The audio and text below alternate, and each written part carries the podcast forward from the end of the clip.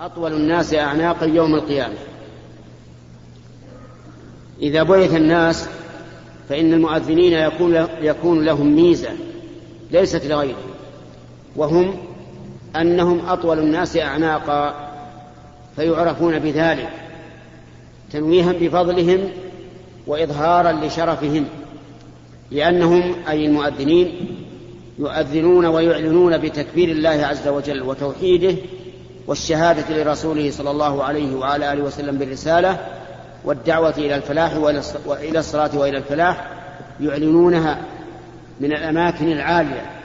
فلهذا كان جزاؤهم من جنس العمل أن تعلو رؤوسهم وأن تعلو وجوههم التي يتكلمون منها بهذا الأذان وذلك بإطالة أعناقهم يوم القيامة. وهذا يدل على أنه ينبغي للإنسان أن أن يحرص على أن يكون مؤذنا. حتى لو كان في نزهة هو وأصحابه فإنه ينبغي أن يبادر بذلك. وقد سبق في الدرس الماضي أن النبي صلى الله عليه وسلم قال لو يعلم الناس ما في النداء ثم لم يجدوا إلا أن يستهموا عليه لاستهموا. وكذلك من فضيلة الأذان ما رواه أبو سعيد الخدري رضي الله عنه عن النبي صلى الله عليه وعلى آله وسلم أنه ما من أح ما من إنس ولا جن ولا شيء يسمع صوت المؤذن إلا شهد له بذلك يوم القيامة. وهذا أيضا من, فضل من فضائل الأذان. أن صاحبه يشهد له يوم القيامة بأنه من المؤذنين. تنويها بفضله وبيانا, وبيانا لثوابه. فالحاصل أن الأذان له فضل عظيم وأنه ينبغي للإنسان أن يكون مؤذنا إلا أنه إذا كان هناك مؤذن راتب فإنه لا يحل لأحد أن يتجاوز ويؤذن عنه إلا إذا كان قد وكله أو ما أشبه ذلك. يعني لا تظنوا أن الإنسان ينبغي له أن يبادر في المسجد ويؤذن قبل أن يحتوى المؤذن الراتب لأن هذا عدوان عليه. وقد قال النبي صلى الله عليه وعلى آله وسلم لا يؤمن الرجل الرجل في سلطانه إلا بإذنه. والله موفق.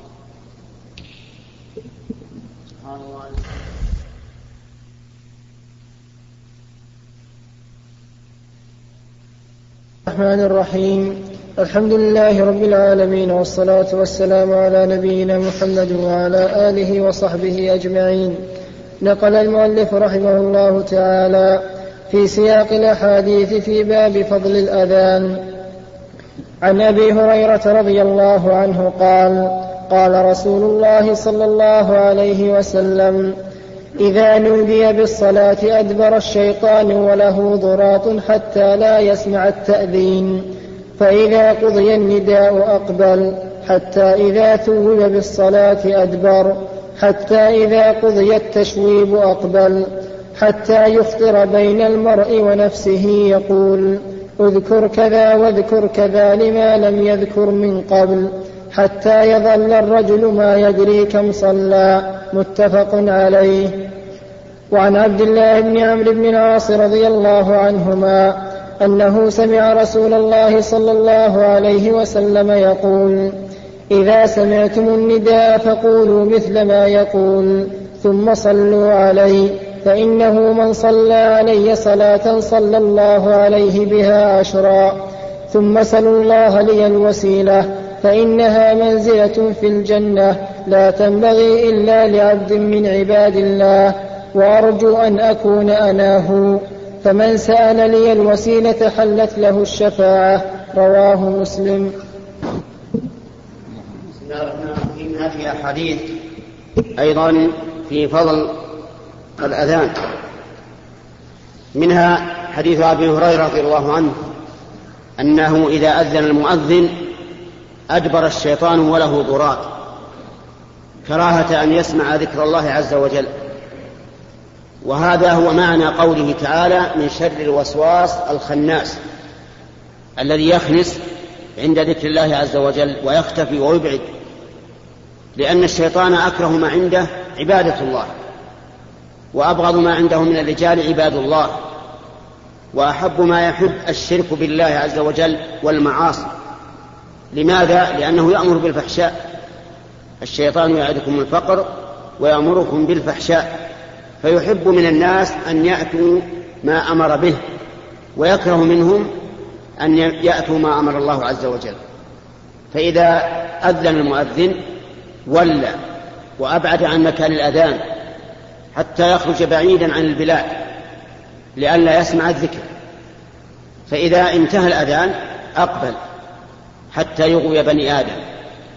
فإذا ثوب بالصلاة يعني أقيمت الصلاة في حال الإقامة أيضا يولي ويدبر ثم إذا فرغت الإقامة أقبل حتى يخطر بين المرء وقلبه يعني يحول بين المرء وقلبه في صلاته. يقول له اذكر كذا اذكر كذا اذكر كذا. يذكر بأشياء نسيها حتى لا يدري كم صلى. وهذا أمر يشهد له الواقع. فإن الإنسان أحيانا ينسى أشياء فإذا دخل في الصلاة فتح الشيطان عليه باب التذكر حتى جعل يذكرها ويذكر أن رجلا جاء إلى أبي حنيفة رحمه الله وقال له إنه استودع وديعة يعني عظيمة ونسها فقال له اذهب فتوضأ. وصل ركعتين وسنذكرها ففعل الرجل توضأ دخل يصلي فذكرها ذكره إياه الشيطان. وهذا أمر شهد له الواقع وصدق رسول الله صلى الله عليه وعلى آله وسلم. أراد النبي صلى الله عليه وعلى آله وسلم بهذا الحديث فائدتين عظيمتين. الفائدة الأولى بيان فضل الأذان وأنه يطرد الشياطين. ولهذا استحب كثير من العلماء إذا ولد المولود أول ما يولد أن يؤذن في أذنه حتى يطرد الشيطان عنه. وبعض العلماء يقول يؤذن في أذنه حتى يكون أول ما يسمع ذكر, ذكر الله عز وجل. وعلى كل حال فالأذان يطرد الشياطين. ولكن هل إذا أذن الإنسان في غير وقت الأذان هل يطرد الشياطين؟ الله أعلم. لكن ذكر الله على سبيل العموم يطرد الشياطين لأن معنى الخناس الذي يخنس عند ذكر الله عز وجل. أما الحديث الثاني ففضيلته أنه أن النبي صلى الله عليه وعلى آله وسلم أمر إذا سمعنا المؤذن أن نقول مثل ما يقول. إذا قال الله أكبر نقول الله أكبر. إذا قال أشهد أن لا إله إلا الله نقول أشهد أن لا إله إلا الله. إذا قال أشهد أن محمد رسول الله نقول أشهد أن محمد رسول الله. إلا حي على الصلاة حي على الفلاح ما فلا نقول لأننا نحن مدعوون والمؤذن داعي. فلا يصح أن نقول حي على الصلاة وهو يقول حي على الصلاة. لكننا نقول كلمة الاستعانة. وهي لا حول لا حول ولا قوة إلا بالله.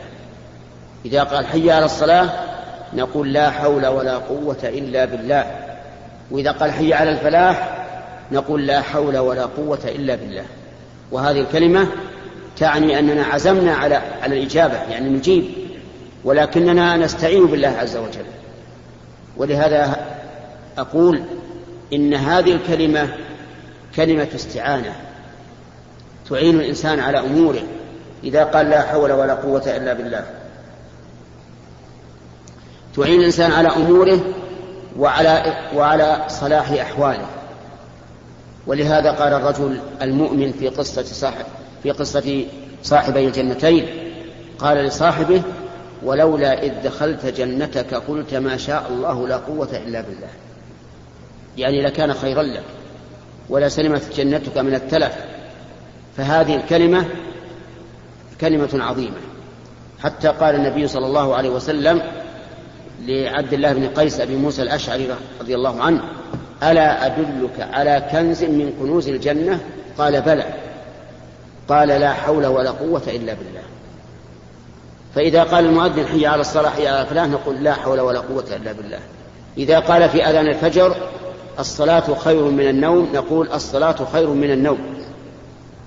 كما يقول وإذا قال الله الله أكبر قلنا الله أكبر وإذا قال لا إله إلا الله قلنا لا إله إلا الله. ثم بعد ذلك نصلي على النبي صلى الله عليه وسلم. نقول اللهم صل على محمد فإن من صلى عليه مرة واحدة صلى الله عليه بها عشرة ثم نسأل الله له, الوسيلة. اللهم رب هذه الدعوة التامة والصلاة القائمة آت محمدا الوسيلة والفضيلة وابعثه مقاما محمودا الذي وعدته إنك لا تخلف الميعاد. فإذا صلينا على النبي وسألنا الله له الوسيلة حلت له الشفاعة حلت لنا الشفاعة يعني شفاعة النبي صلى الله عليه وعلى آله وسلم. يعني صرنا من أهل الشفاعة. الوسيلة ما هي؟ الوسيلة درجة في الجنة عالية. أعلى ما يكون. لا ينبغي أن تكون إلا لعبد من عباد الله. قال النبي صلى الله عليه وعلى آله وسلم وأرجو أن أكون أنا هو. وهذا الرجاء إن شاء الله تعالى سيكون محققا. سيكون محققا لأننا نعلم أن أفضل الخلق عند الله محمد عليه الصلاة والسلام. ولأن أمة محمد تدعو الله تعالى بذلك بعد كل أذان والدعاء بين الأذان والإقامة لا يرد.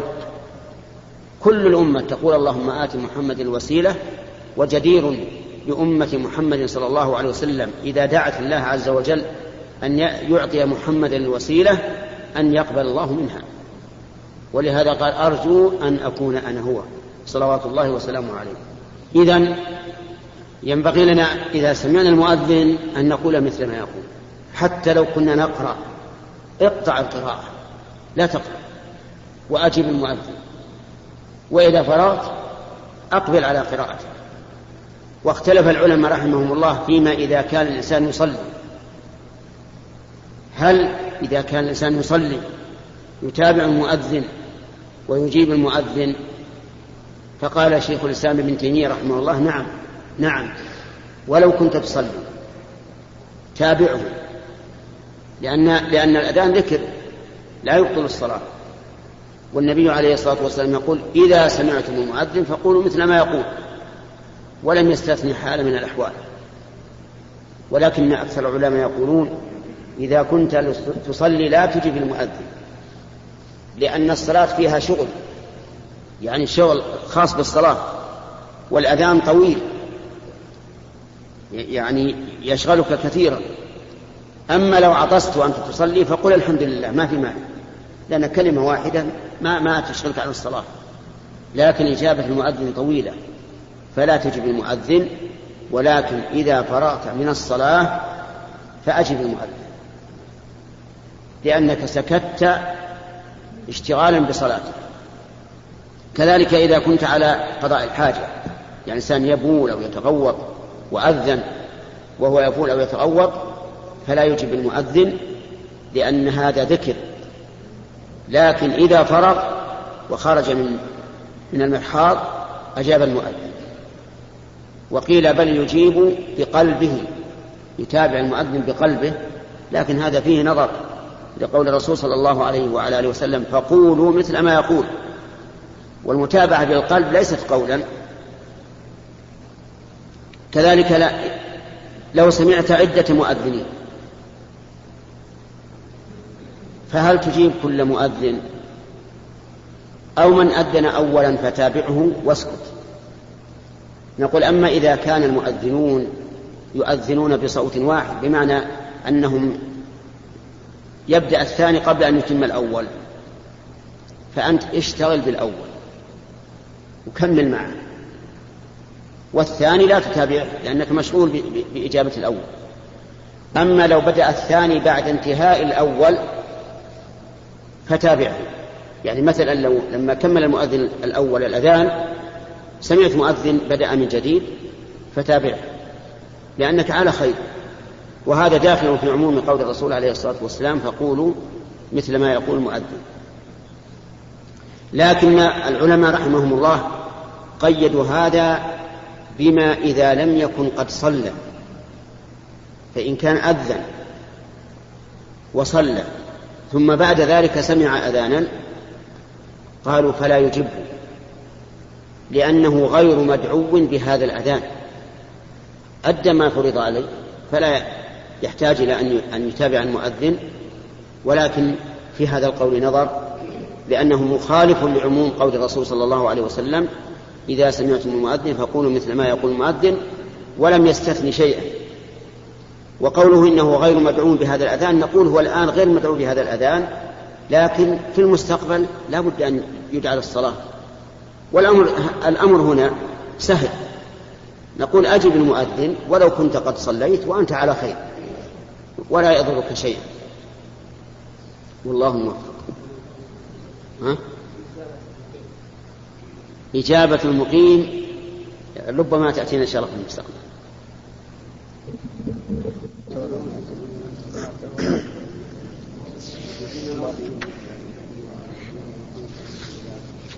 لا مانع لما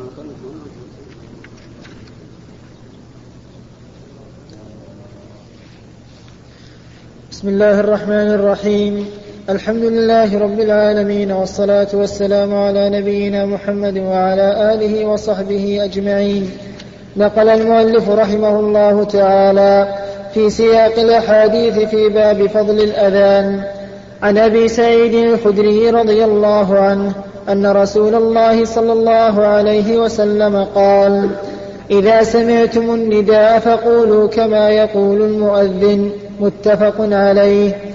وعن جابر رضي الله عنه أن رسول الله صلى الله عليه وسلم قال من قال حين يسمع النداء اللهم رب هذه الدعوة التامة والصلاة القائمة. آت محمدا الوسيلة والفضيلة وابعثه مقاما محمودا الذي وعدته.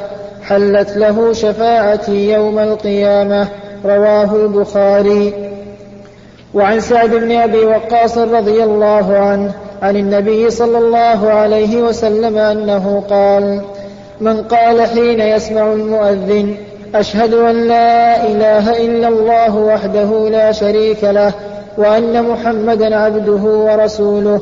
رضيت بالله ربا وبمحمد رسولا وبالإسلام دينا. غفر له ذنبه رواه مسلم. وعن أنس رضي الله عنه قال قال رسول الله صلى الله عليه وسلم الدعاء لا يرد بين الأذان والإقامة. رواه أبو داود والترمذي وقال حديث حسن. بسم الله الرحمن الرحيم. هذه أحاديث بقية باب فضل الأذان. ساقها النووي رحمه الله في رياض الصالحين. منها قول النبي صلى الله عليه وآله وسلم إذا سمعتم النداء فقولوا مثل ما يقول المؤذن. ومنها من قال حين يسمع النداء اللهم رب هذه الدعوة التامة والصلاة القائمة آت محمدا الوسيلة والفضيلة وابعثه مقاما محمودا الذي وعدته إنك لا تخلف الميعاد. ومنها أشهد أن لا إله إلا الله وحده لا شريك له وأشهد أن محمدا عبده ورسوله رضيت بالله ربا وبالإسلام دينا وبمحمد رسولا ومنها أن الدعاء بين الأذان والإقامة لا يرد. فأما الحديث الأول فقد سبق الكلام عليه أنه ينبغي للإنسان إذا سمع النداء أن يقول مثل ما يقول المؤذن إلا إذا قال المؤذن حي على الصلاة حي على الفلاح فليقل لا حول ولا قوة إلا بالله. وأما الحديث الثاني من قال حين يسمع النداء يعني وفرغ المؤذن كما دل عليه الحديث السابق. إذا فرغ المؤذن فإنك تصلي على النبي صلى الله عليه وعلى آله وسلم. ثم تقول اللهم رب هذه الدعوة التامة والصلاة القائمة آت محمدا الوسيلة والفضيلة وابعثه مقاما محمودا الذي وعدته إنك لا تخلف الميعاد. اللهم رب هذه الدعوة التامة هي الدعوة إلى الصلاة. وإلى الفلاح لأن ذلك من أتم ما يكون من الدعوات. والصلاة القائمة يعني الصلاة التي ستقام لأن النداء إعلام بدخول وقت الصلاة. آت محمد الوسيلة والفضيلة يعني أعطه الوسيلة وهي درجة في الجنة أعلى ما يكون من درجات الجنة وهي للنبي صلى الله عليه وعلى آله وسلم. والفضيلة يعني الميزة والرتبة العالية على غيره عليه الصلاة والسلام وقد حصل له ذلك. وابعثه مقاما محمودا الذي وعدته. وقد وعده الله ذلك في قوله ومن الليل فتهجد به نافلة لك عسى أن يبعثك ربك مقاما محمودا. ومن هذا المقام المحمود الشفاعة العظمى. فإن الناس يوم القيامة يلحقهم من الكرب والغم ما لا يطيقون. في ذلك الموقف العظيم الذي مقداره خمسون ألف سنة. في صعيد واحد يسمعهم الداعي وينفذهم البصر عارية أجسادهم حافية أقدامهم شاخصة عيونهم. لا يملكون لأنفسهم نفعا ولا ضرا. يفر المرء من أخيه وأمه وأبيه. وصاحبته وبنيه الشمس تدنو منهم قدر ميل ولا هناك عوج ولا أمت ولا ظل ولا بناء ولا شيء. فيطلبون من يشفع لهم إلى الله. فيأتون آدم ثم نوحا ثم إبراهيم ثم موسى ثم عيسى حتى تصل إلى النبي صلى الله عليه وعلى آله وسلم. فيقوم ويشفع. في هذا المقام يحمده الأولون والآخرون لأن الناس كلهم في هذا المقام. فإذا تعذر الأنبياء الكرام الكبار إبراهيم وموسى وعيسى ونوح وآدم أبو البشر ثم قام هذا النبي الكريم فشفع إلى الله فهنا يحمده الأولون والآخرون. وهذا من المقام المحمود الذي وعده الله عز وجل.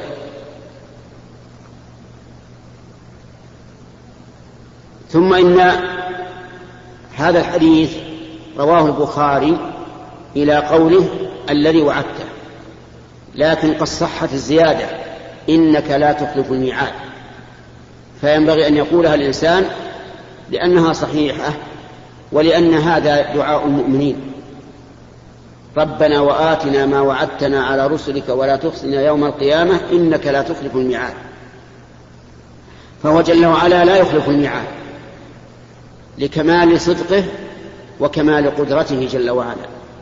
وإخلاف الوعد إما أن يكون عن كذب من الواعد وإما أن يكون عن عجز منه.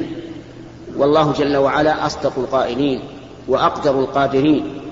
فهو سبحانه وتعالى وعد نبيه في قوله عسى أن يبعثك ربك مقاما محمودا وهو جل وعلا صادق في الوعد قادر على تنفيذه.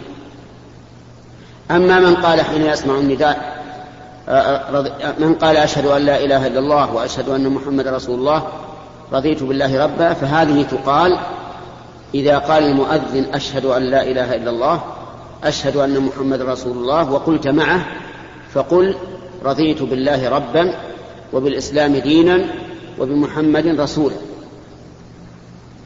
أما آخر الأحاديث ففيه الحث على الدعاء بين الأذان والإقامة وأن وأن الدعاء بين الأذان والإقامة حري بالإجابة فينبغي أن تنتهز هذه الفرصة فتدعو الله عز وجل بين الأذان والإقامة لعل الله أن يستجيب لك. والله موفق. قال رحمه الله تعالى باب فضل الصلوات. قال الله تعالى إن الصلاة تنهى عن الفحشاء والمنكر. عن أبي هريرة رضي الله عنه قال سمعت رسول الله صلى الله عليه وسلم يقول أرأيتم لو أن نهرا بباب أحدكم يغتسل منه كل يوم خمس مرات هل يبقى من درنه شيء؟ قالوا لا يبقى من درنه. قال فذلك مثل الصلوات الخمس يمحو الله بهن الخطايا. متفق عليه. وعن جابر رضي الله عنه قال قال رسول الله صلى الله عليه وسلم مثل الصلوات الخمس كمثل نهر غمر جار على باب أحدكم يغتسل منه كل يوم خمس مرات. رواه مسلم. الرحمن الرحيم قال المؤلف رحمه الله تعالى في كتابه رياض الصالحين باب فضل الصلوات. الصلوات هي عبادات معلومة مفتتحة بالتكبير مختتمة بالتسليم وهي آكد أركان الإسلام بعد الشهادتين وأفضل أركان الإسلام بعد الشهادتين.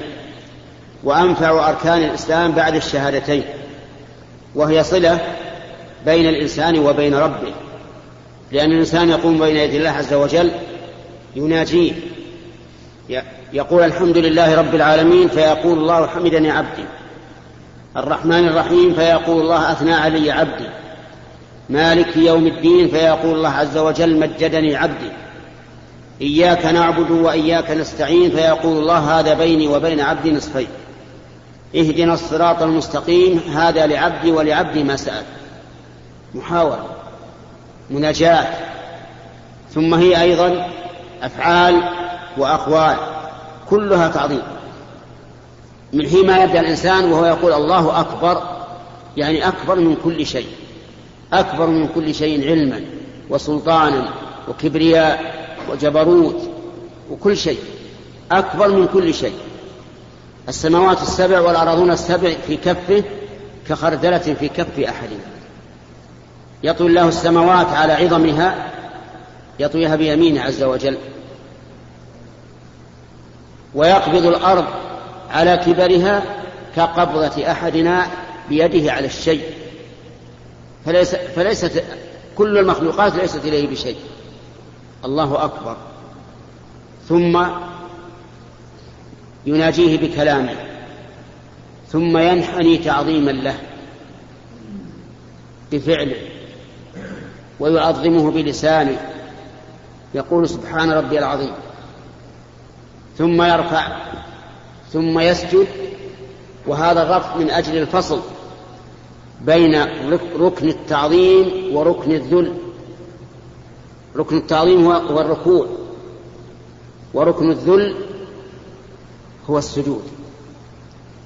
ولهذا قال النبي صلى الله عليه وسلم أما السجود فعظموا أما الركوع فعظموا فيه الرب. ثم يسجد ذلا لله وخضوعا فيضع أشرف ما به على مستوى أقدامه التي هي أسفل أسفل ما به. يضع جبهته على الأرض ذلا لله وخضوعا لله عز وجل. ثم يقول سبحان ربي الأعلى. تنزيها لربه سبحانه وتعالى عن السفول. فالإنسان الآن سفل وجهه في الأرض. فيقول سبحان ربي الأعلى كأنما يقول سبحان من تنزه عن السفول فكان أعلى فوق كل شيء. جل وعلا. فالصلاة عبادة عظيمة. نسأل الله أن يفتح علينا وعليكم حتى نعرف قدرها ويدلك على فضلها وعظمها ومحبة الله لها أنه ما من فريضة فرضت على الرسول عليه الصلاة والسلام إلا بواسطة الوحي إلا الصلاة فرضها الله على رسوله من, من الله إلى الرسول كفاحا كلمه بها وفرضها عليه في أعلى مكان يصل إليه البشر. وفرضها عليه في أشرف ليلة كانت لرسول الله صلى الله عليه وعلى آله وسلم وهي ليلة المعراج. وفرضها عليه عددا كبيرا خمسين صلاة في اليوم والليلة لأن الله يحبها ولأن ثوابها عظيم. يتجزل الرب عز وجل بعباده به. ولكن من لطف الله أن الله خفف حتى صارت خمس صلوات عن خمسين صلاة. اللهم لك الحمد. الصلاة لها ثمرات جليلة عظيمة. منها ما ذكره الله تعالى في الآية التي صدر بها المؤلف هذا الباب. إن الصلاة تنهى عن الفحشاء والمنكر. الفحشاء فواحش الذنوب كالزنا واللواط وما أشبهها والمنكر ما دون ذلك. الصلاة تنهى عن الفحشاء والمنكر لكن متى؟ إذا كانت صلاة مقامة على الوجه الأكمل. ولهذا نجد نجدنا كثيرا نصلي ولا نجد القلوب تتغير أو تكره الفحش أو المنكر بعد الصلاة أو يكون الإنسان بعد الصلاة خيرا منه قبلها. ما نجد هذا. لماذا؟ لأن الصلاة التي نصليها ليست الصلاة التي تنهى عن الفحشاء والمنكر وإلا فكلام الله حق. ووعده صدق. الصلاة تنهى عن الفحشاء والمنكر إذا كنت قد هممت بالسيئة أو كان قلبك يميل إلى المعاصي فإنك إذا صليت امحى ذلك كله. لكن بشرط أن تكون الصلاة التي تراد منك والتي تريدها أنت لله عز وجل صلاة أكمل ما يكون. ولهذا يجب علينا ونسأل الله أن يعيننا. يجب علينا أن نعتني بصلاتنا نكملها بقدر المستطاع بجميع أركانها وشروطها وواجباتها ومكملاتها فإنها تنهى عن الفحشاء والمنكر. قال بعض السلف من لم تنهه صلاته عن الفحشاء والمنكر لم يزدد بها من الله إلا بعدا. نسأل الله العافية. لأنها ليست الصلاة المطلوبة منا. الصلاة المطلوبة منا أن تكون صلاة بمعنى الكلمة. كان بعض السلف إذا دخل في صلاته لا يحس بشيء يغيب عن كل شيء إلا عن الله عز وجل. حتى إن عروة بن الزبير رحمه الله وهو من فقهاء التابعين أصابت أحد أعضائه آكلة. الآكلة جروح تتقرح حتى تقضي على الجسم كله. فقرر الأطباء أن تقطع رجله حتى لا تسري الآكلة إلى بقية البدن. وكان في ذلك الوقت ما فيه بنج فقال أمهلوني حتى أدخل في صلاتي فلما دخل في صلاته قطعوا رجله فلم يحس بها لأن قلبه منشغل مع الله والقلب إذا انشغل لم يحس بما يصيب البدن. انظر إلى الحمالين مثلا. يحملون السيارة أو ينزلون السيارة فيصاب أحدهم بجرح في يده أو في رجله مع التحميل ولا يحس به لأنه مشغول. فإذا انتهى العمل أحس أحس بالجرح.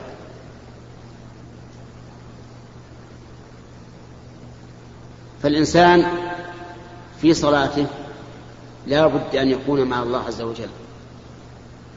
لا إذا دخل في الصلاة يذهب قلبه يمينا وشمالا كما هي العادة عند كثير منا.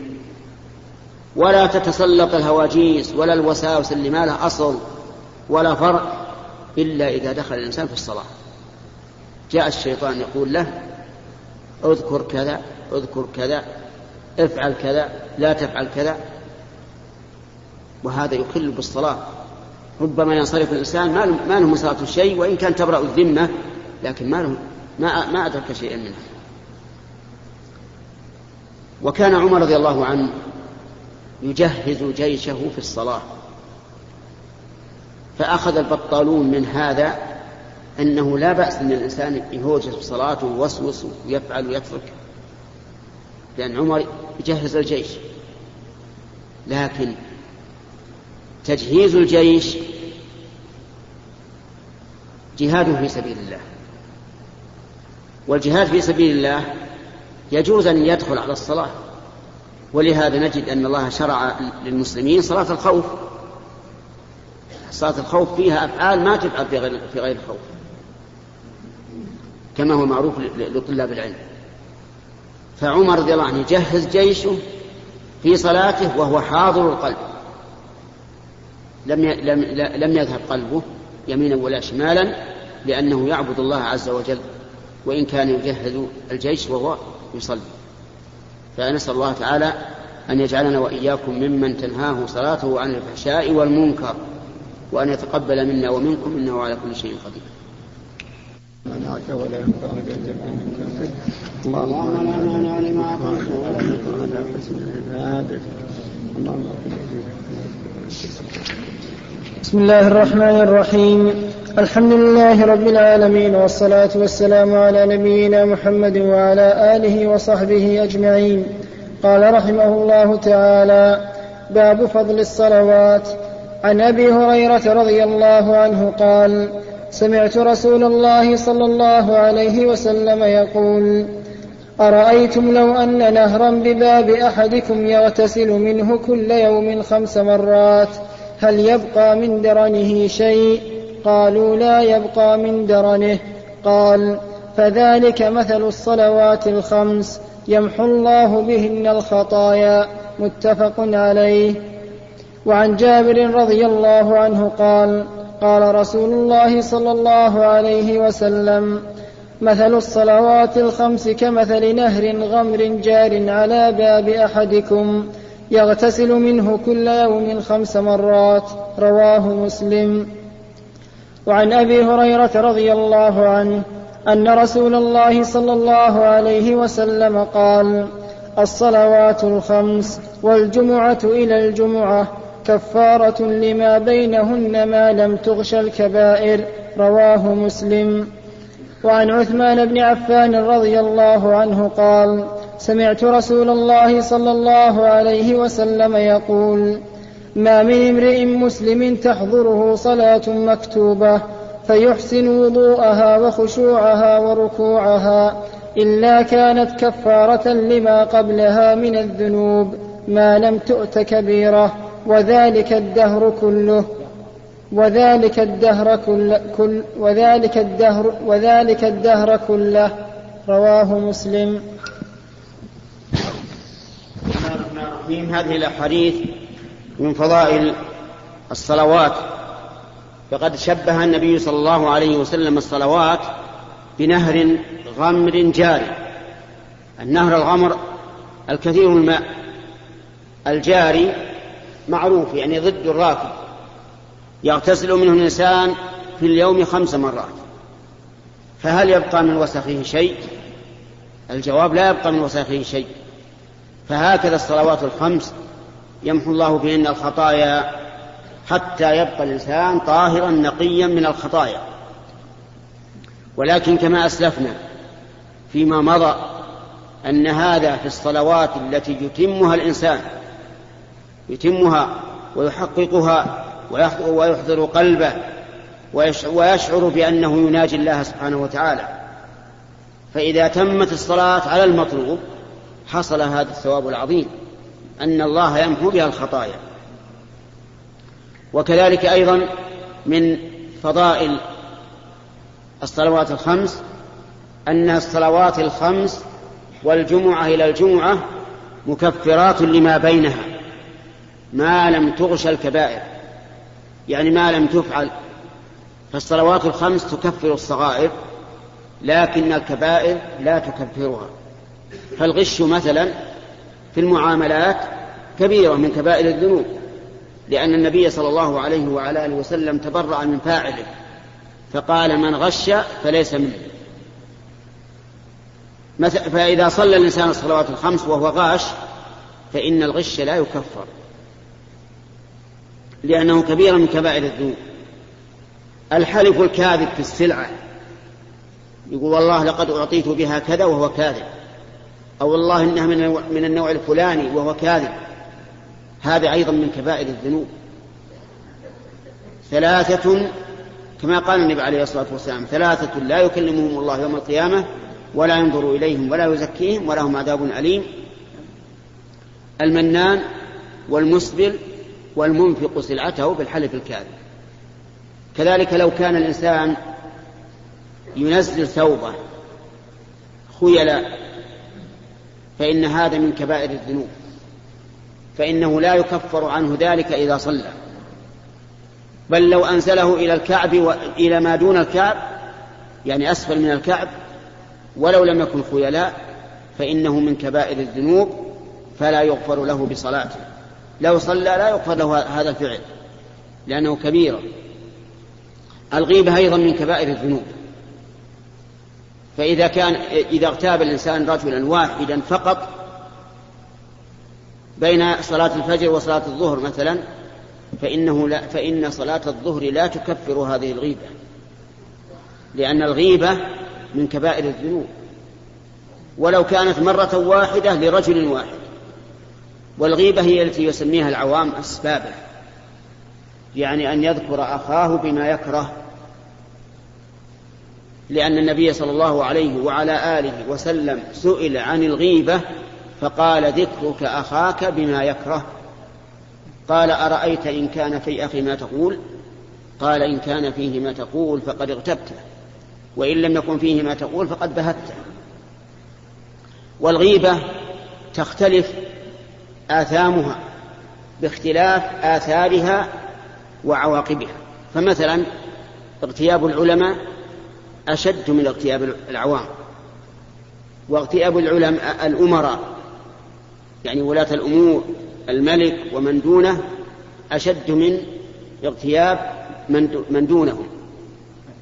وبهذا نعرف أن هذه النشرات التي توزع بين الناس الآن نعرف أنها من, من الغيبة وأن نشرها بين الناس من كبائر الذنوب وأن الإنسان يأثم بها إثما عظيما لأنها توجب أن أن يكره الناس من من يغتيب في هذه الأوراق والنشرات وأن يتمردوا على من يغتيب فيها وتوجب أيضا إغار الصدور وإحداث الفتن فهي والعياذ بالله غيبة لولاة الأمور من أكبر من أكبر الآثام في الغيبة. فالذي فالذي ينشرها أو يصورها ويوزعها آثم فاعل كبيرة والعياذ بالله. عليه إثمها وإثم كل من تأثر بها. نسأل الله السلامة والعافية. لأن هذه الأمور لا شك أنها من داخلة في الغيبة. ذكرك أخاك بما يكره. ثم ما مصدر هذا الكلام؟ من قال إن هذا كلام صحيح؟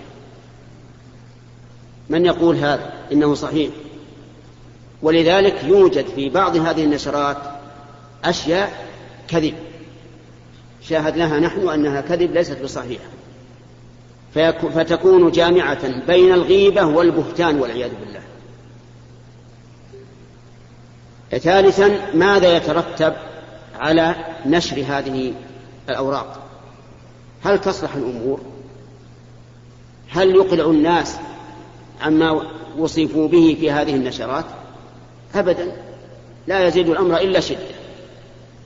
لذلك نرى أن توزيع مثل هذه النشرات في غيبة ولاة الأمور نرى أنه من كبائر الذنوب وأن الإنسان آثم إذا نشرها.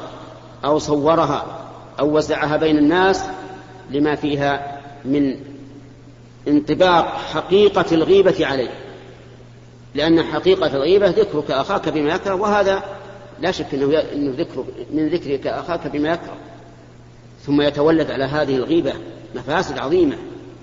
ليست كما لو اغتبت زيد وعمر هذا يكون الأمر عليه شخصيا لكن هذا يترتب أنه ضرر على المغتاب شخصيا وضرر على الأمن لأنه يوجب إغار الصدور وكراهة ولاة الأمور.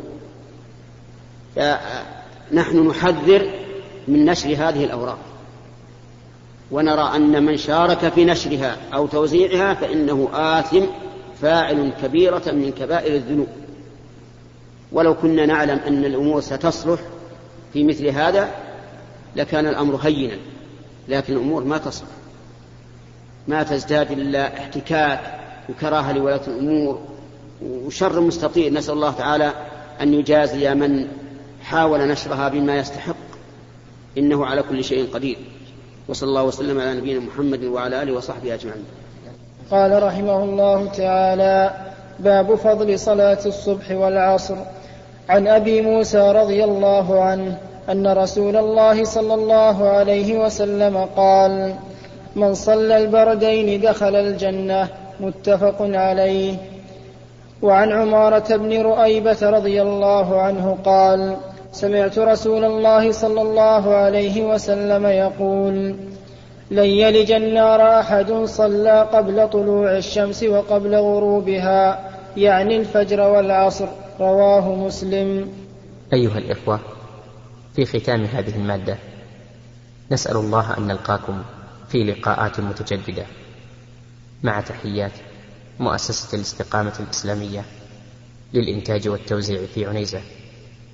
شارع هلالة رقم الهاتف والناسخة الهاتفية صفر ستة ثلاثة ستة أربعة ثمانية ثمانية ثمانية صفر والرقم الثاني صفر ستة ثلاثة ستة أربعة خمسة ثمانية ثمانية صفر. ورقم صندوق البريد اثنان وخمسمائة وألف.